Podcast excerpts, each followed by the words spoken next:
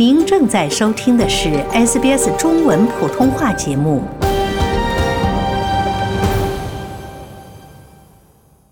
从法律角度看待社会现象，以专家意见指点生活迷津。请听现场说法。现场说法，您了解法律、咨询问题的空间。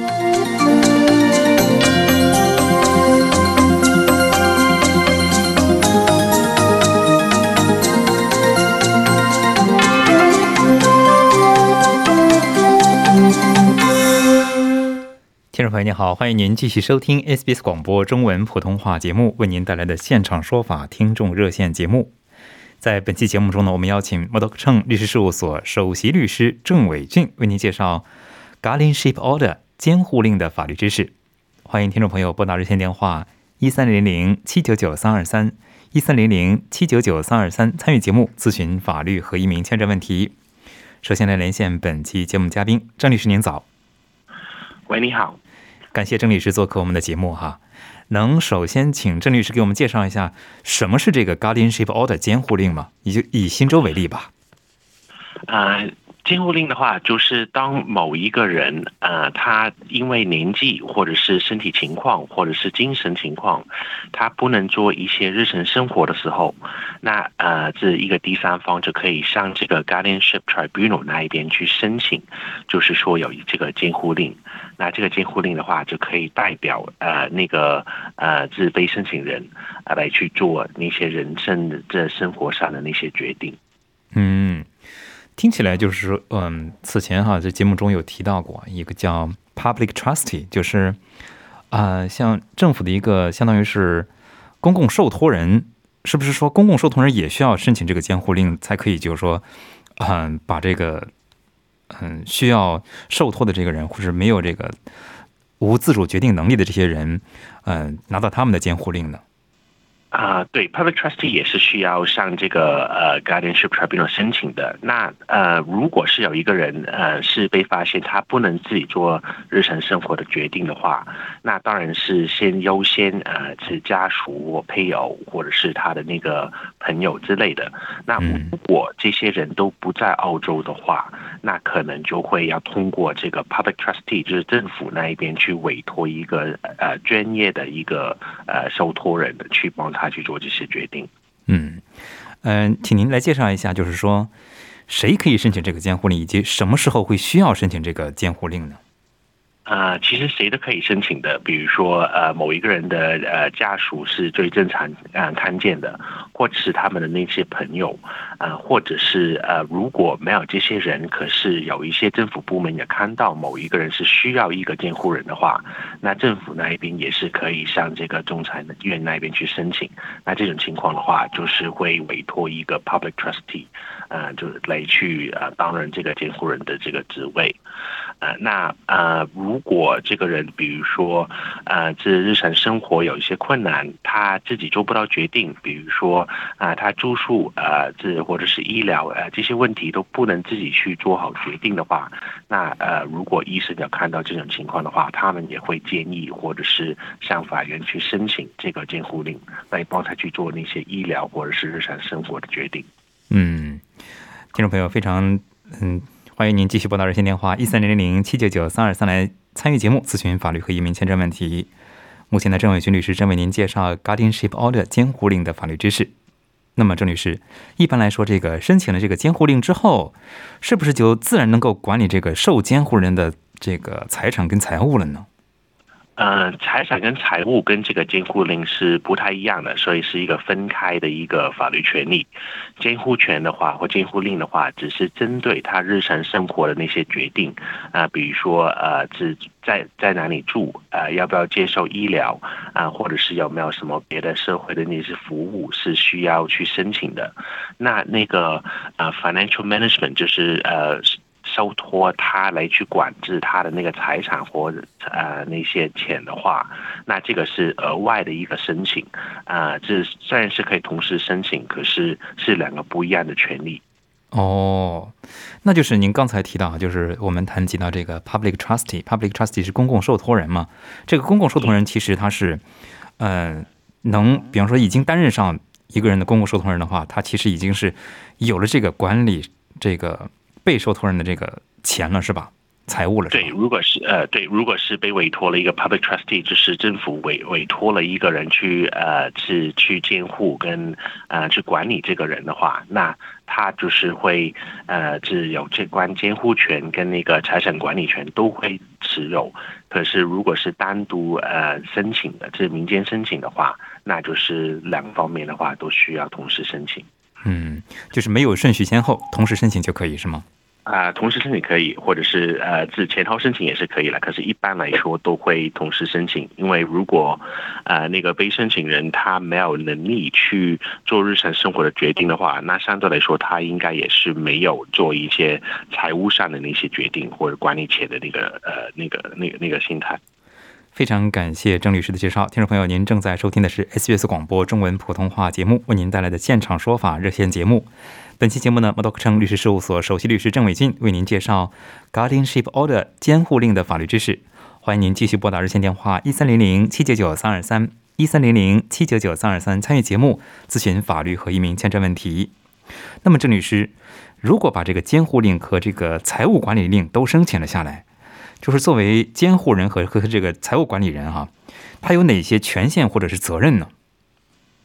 呃，权限的话，就是他可以针对呃所有日常生活的那些决定来做优先的一个呃一个决策。那就是那个被申请人是反对或者是不同意的话，那他也没有这个权利去呃反抗那个监护人的这个决定。啊，对于财呃财务那方面的话，也是啊，就是等于说那个被申请人的话，就已经失去了管制他的那个财产的权利了，所以就等于说那个呃管理人的话，可以去动用他的那个银行账户啊，或者是动用买卖房产啊，或者是向那个政府部门申请一些补助。那他们的责任来说的话，那当然是以由那个被申请人的那个呃，这身体健康或者是他的那个最大利益优先啊。那有关财务这个部分的话，就是必须要呃从呃这把他的那个财务那方面分开来去核算啊。所以就是如果有第三方要去审核的话啊，是可以看得到说那个被申请人的那个财产啊都是呃。那个受托人的身份来去使用在他的身上的，嗯，这个权利其实蛮大的哈。如果是这个做了这个决定之后，即使您刚才提到了有反对，往往也无法影响其决定哈。就说那谁来监督或者是管理这个监护人和这个财务管理人呢？呃，那如果有第三方觉得说这个呃是管理人没有在呃是全责去完成他的那个职责的话，那他们是可以向这个仲裁员那边去申请更改那个监护人的，或者是呃这如果他们觉得是比较合适的话，就是要政府那边去委托一个新的一个呃监护人来去代替啊，那呃。有些时候，呃，法律部门或者是医院或者是老人啊养老院，他们看到有这种情况，觉得说，哎，这个呃管理人好像没有以那个被申请人的那个最大权益优先啊，那他们也是可以向这个仲裁那边去申请啊更换这个监护人。嗯，非常感谢郑律师的介绍哈，听众朋友，您正在收听的是 SBS 广播中文普通话节目为您带来的现场说法听众热线节目。本期节目呢，郑伟军律师刚为您介绍过 Guardianship Order 监护令的法律知识。欢迎您继续拨打热线电话一三零零七九九三二三参与节目咨询法律和移民签证问题。稍后如果有更多时间呢，我请郑律师来介绍一下更改监护人的这个程序，以及遗嘱中是否能指定这个丧失行为能力后的这个监护人，以及嗯，监护这个丧失行为能力之后的这个人是他的监护人和这个财产管理人，呃，做哪些限定哈？接下来我们来接听听众电话，这位是周女士，周女士您好。哎，你好，呃，我我想讲一点，这个什么呃监护人呢，大家一定要注意，他们潜力很大的，他们可以拿你的钱呢，他可以变卖你的房子，所以我呢，我我是想，如果我财产留给我的孩子，这个执行人呢，执行人非常要紧。就是孩子，就是他们两个去执行，你不要委托谁了，要不你的财产不见了，你都你都没办法。还有，好像我还听过那个监护人潜力很大的，包括安乐死啊，好像都有一点。我想请教一下律师。好，谢谢啊，嗯谢，谢，再见。好的，好了，那呃，当然是好像刚刚这位听众说，这个监护人的那个权利是很大的。对，那就算你是有留，比如说留遗嘱，然后这让财产这已经有呃这决定好，呃你的财产要怎么样去分配，呃可是如果呃这过世之前已经有一个管理人或监护人已经被委托了，那其实他们是不需要按照你的那个遗嘱。去呃处理你的财产的，因为你是过世之前所有事情的话，都是由这个管理人来去决定。那如果他们是有那个财产管理权的话，那就算你比如说在遗嘱把房子留给某一个孩子，啊、他们那个财产监护人如果觉得说你生活需求需要的话，是可以把你这个房子卖掉的。所以等到这遗嘱真的是要执行的时候，这个房子可能已经不在。哦，所以这个监护人或者是财产管理人的那个决定是呃很这可以说是权利是很呃很大的，跟那个本身这个人啊、呃这被申请人的这个人的那个权益是一样的。嗯，那有关那个呃普通的监护人的这个管理的那个呃范围的话，是有包括医疗范围的。那呃有包括要不要去接受治疗，或者是要接受哪一些治疗？呃，那如果是讲到说呃安乐死的话，那这个就是看呃州法啊、呃有些州法的话会呃是愿意接受不治疗的这个指定呃这个指示，有些呃有些州法的话是不允许这样子的。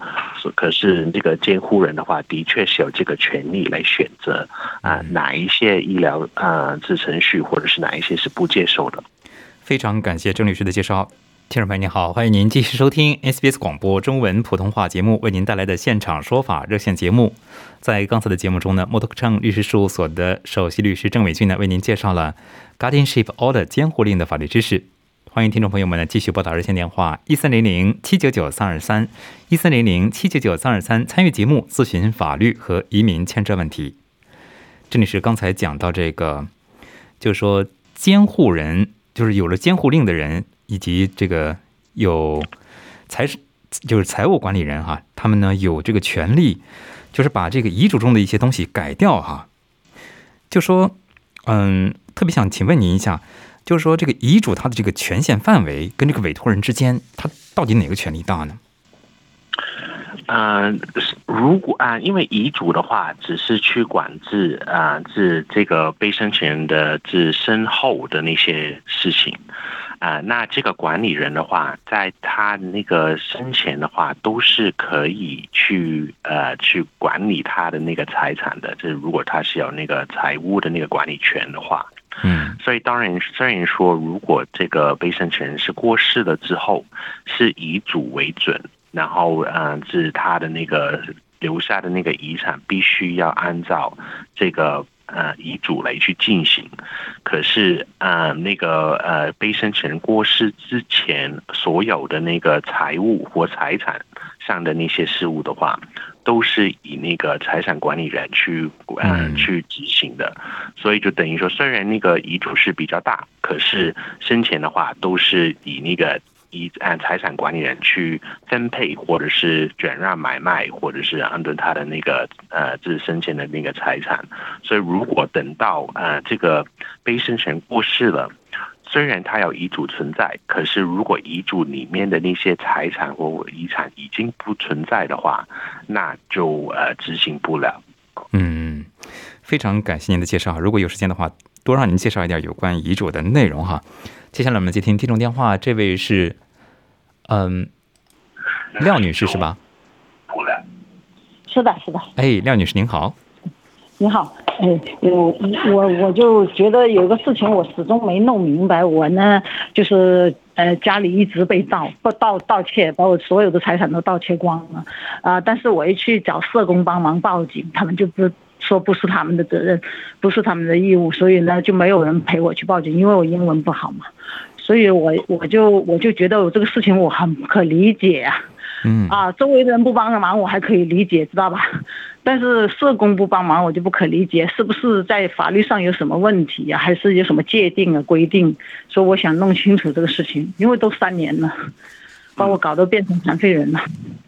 啊、如果你是需要报警的话，那当然去找社工是一个方法，啊、可是你可以直接去那个警察局，嗯、或者是要求，嗯、是他们帮你找一个翻译。那如果你到了警察局，你怕说你到了那一边可能不会有人，呃，懂得讲英文，啊、这儿呃懂得讲中文，然后你需要一个翻译的话，那你可能，呃，是需要等一段时间，呃，或者是你可以通过，呃，是电话先打电话去警察局说你你是有意向去报案的，啊、可是你要安排一个翻译在才可以去报案。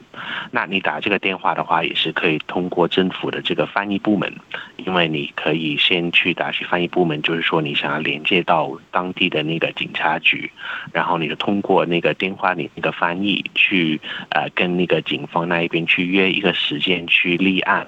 然后在那个时间的话，就同时警方那边也会帮你安排一个翻译在场，所以你就可以通过这个翻译去报案了。那社工的话，他得可以说是呃，是你个人生活这些报警的，呃，有些是可以说是他的他的工作范围里面，可是有一些的话也是认识义务的，所以如果你通过政府的那个翻译部门的话，可以比较直接联系到警方来去立案。嗯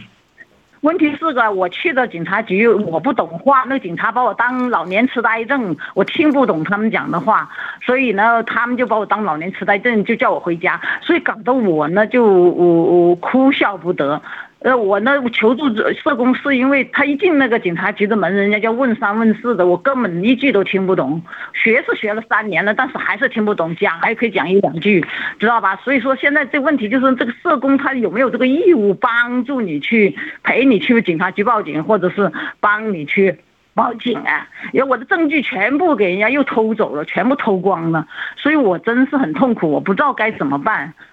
嗯。啊、那个那个社工未必是有这个义务去陪同你去报警的，啊、可是你是可以先打电话啊、去这个呃政府的这个翻译部门，然后他们接通你的电话之后，啊、他们就啊这你就可以跟他说你是想要是一个中文的翻译，然后你是想要去报警，然后他们的话就会帮你安排一个中文的翻译员来去接通你跟警方的电话，然后你在那个时候再约一个时间，自有一个翻译陪同你过去。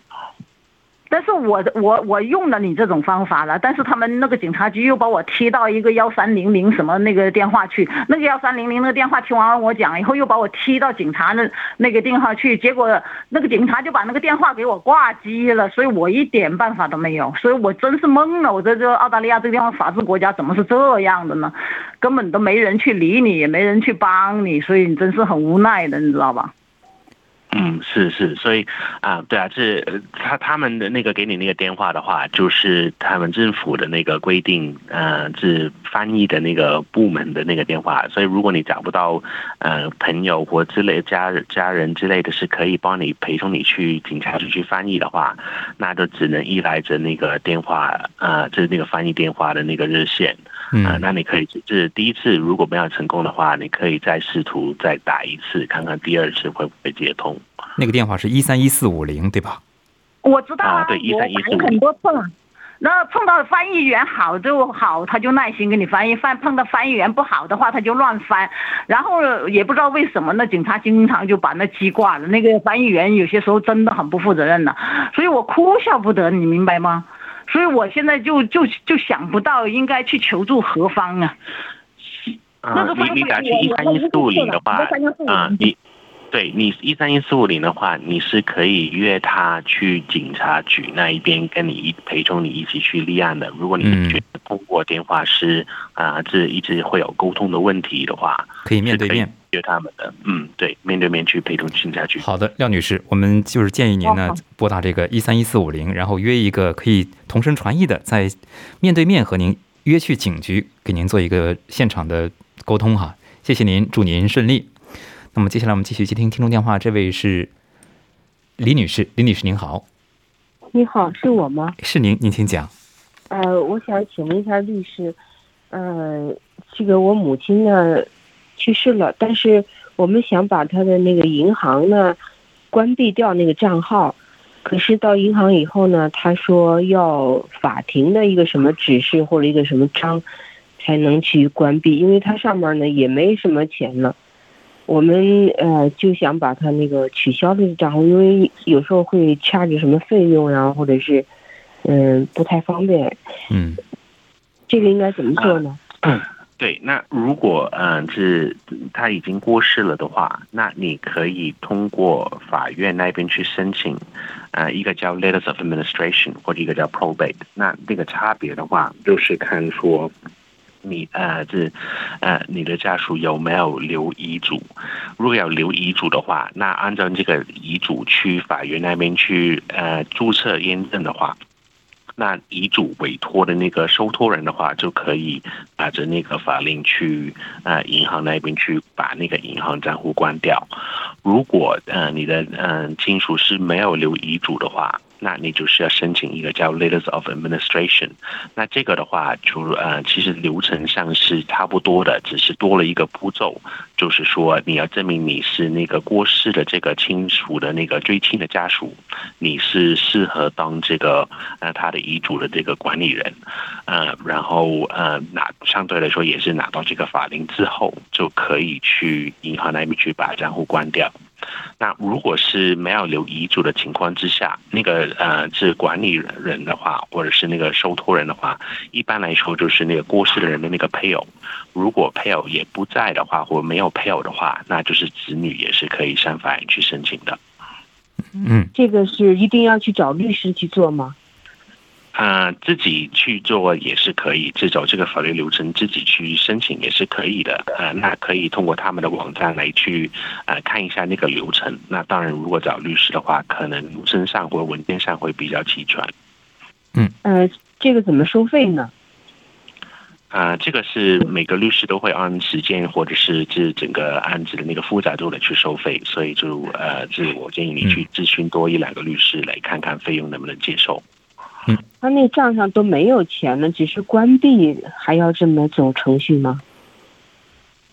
如果只是那个账户是没有钱的，只只是想要把它关闭的话，那你可以直接发那个死亡证过去给那个银行，就是让他们知道说这个用户人的话，其实呃已经过世了，所以也不会去动用他的那个账户。嗯他们可能就会呃只把这个账户转到一个没有呃动静的一个账户状态，然后过了几年之后，他们会自动关闭。李女士哦，可是我们去了以后呢，银行说一定要法院的这个什么东西，嗯，如果主动要关的话是要的，对。嗯哦，也可以被动，它自动就关掉了。对对对，你不动它的话，它过几年的话自然会关掉。好的，哦，谢谢李女谢谢士，你们啊，谢祝谢谢谢。您顺利。像郑女士刚才李女士问的这个问题啊，如果就是说呃这个银行账户哈、不跟银行打交道，他每年也收这个，比方说管理费，但是这个管理费呢是一直是，比方说是这个账户人是欠账的，但账户人已经不在世了，这种情况其实就是一笔烂账，也银行也不会去追究的，对吧？嗯，对，也不会去追究，除非是有发现说啊，他的那个遗产是有呃，这是有足够的那个钱的，他们可能会考虑说，向他的那个遗嘱的那个执行人去申请，去把这个债务还掉。呃，可是呃，一般来说，因为银行的那个手续费之类的话，那个金额不会说太大，所以嗯一般是呃，这个银行账户没有动用一段时间，而且也知道他已经过世的话，都会直接把那个账户关掉。好嘞，谢谢天，呃，谢谢郑律师的介绍。欢迎听众朋友继续拨打热线电话一三零零七九九三二三参与节目咨询法律和移民签证问题。接下来我们继续接听听众电话，这位是张女士，张女士您久等了。哎，你好，嗯，律师主持人你好，我想有个问题要请教律师，嗯就是说我在嗯买地建房的时候，嗯、贷款，因为当时呢我们是移民嘛，英语不好，所以在这个贷款的名字上面呢，那个姓嘛，他那个他一般习惯性的就把女方的姓，一般中国人都是姓是自己的嘛，结婚以后嘛，但是在贷款的时候，他是自动的把姓的写成跟男名字的后面的写成是吧？哎，对对对，所以说现在呢，这个房子还贷呢，一直就在那还，现在呢还剩一点余款，我只想问一下，这个姓的话，嗯，如果不改的话，因为我的护照啊，什么东西呢，都是我自己本人的姓嘛，是的？以前的姓，所以说我说是这个这个姓怎么改过来？嗯、需不需要改？嗯，郑女士，啊，嗯，这个就是看呃你个人的选择。如果你拿着你的结婚证去呃是那个呃是呃那个 birth death marriages 的话，你是可以马上更改你的驾照的。那呃是改到你的那个丈夫的那个姓，啊、那你就会有一个是合法的一个证件来去证明说你是有这个权利去拨动这笔款的。嗯，可是如果你是不想要去正式把你那个姓改了的话，你是可以拿着那个结婚证去银行那一边去纠正他们之前呃是把你的那个姓改成丈夫的那个姓的这个呃这个手续的。所以就是看说呃你想要去银行那边去纠正他们，还是你是想要接下来啊、呃使用你丈夫的那个姓？就是改不改都无所谓，是不是？那只不需要通过律师吗？啊，是不需要通过律师的啊。对，可是你拿着那个结婚证的话，跟你原始的那些证件的话，你到哪一个部门都可以改得到。所以是看说你是要要去银行那边把它改回来，或者是你想要去呃申请一些你丈夫姓的那些驾照，或者是别的证件。我我我的结婚证在中国的早就已经不作废了，因为我我是澳洲的公呃护照嘛，等于是入了澳洲的籍，嗯所以说所以我现在就很困扰，就说因为我们现在年纪大了，而且呢，嗯，我这个房贷呢还有一点点没还完，就说我是要把贷款还把它结束还完了之后再去改这个改回我自己的姓呢，还是是还的过程中改改是吧？哎嗯，对对对。像郑女士，如果是比方说这个自己的结婚证找不着了，或者是已经嗯，呃对，就是找不着了吧？就是说这种情况下，嗯可不可以拿着比方说自己的驾照或者是护照去这个银行把这个哦姓氏改过来呢？哦，这个啊银行就可以改过来是吧？不知道，问郑女士。这个就要看银行那一边接不接受，因为这如果他们是没有结婚证之类的话，他们原始是不应该把他的那个姓改成他的那个丈夫的这个姓的。哦所以这方面的话哦，需要先弄清楚为什么他们当时会呃这样子去做啊、那如果他们呃是查一下系统说啊、的确是没有结婚证，他们不应该去把那个姓写成丈夫的那个姓的话，那这样子他们改回拿的护照改改回去的话，就是一个很简单的一个手续。嗯可是如果他们有呃是比如说结婚证啊之类的，或者是你填表格的时候是填了那张夫这个姓的话，那他们可能要额外的一些文件来证明说你现在已经没有在使用那个名字了。嗯，好的，哦张女士，谢谢张女士。谢谢张女士的咨询啊，由于时间关系，就不得不打断了，呃，两位了。非常感谢郑律师做客今天的现场说法听众热线节目，也非常感谢听众朋友今天早上两个小时的支持。我是刘俊杰，明天同一时间仍然与您准时相约。喜欢、分享、评论，欢迎您在 Facebook 上关注 SBS 普通话页面。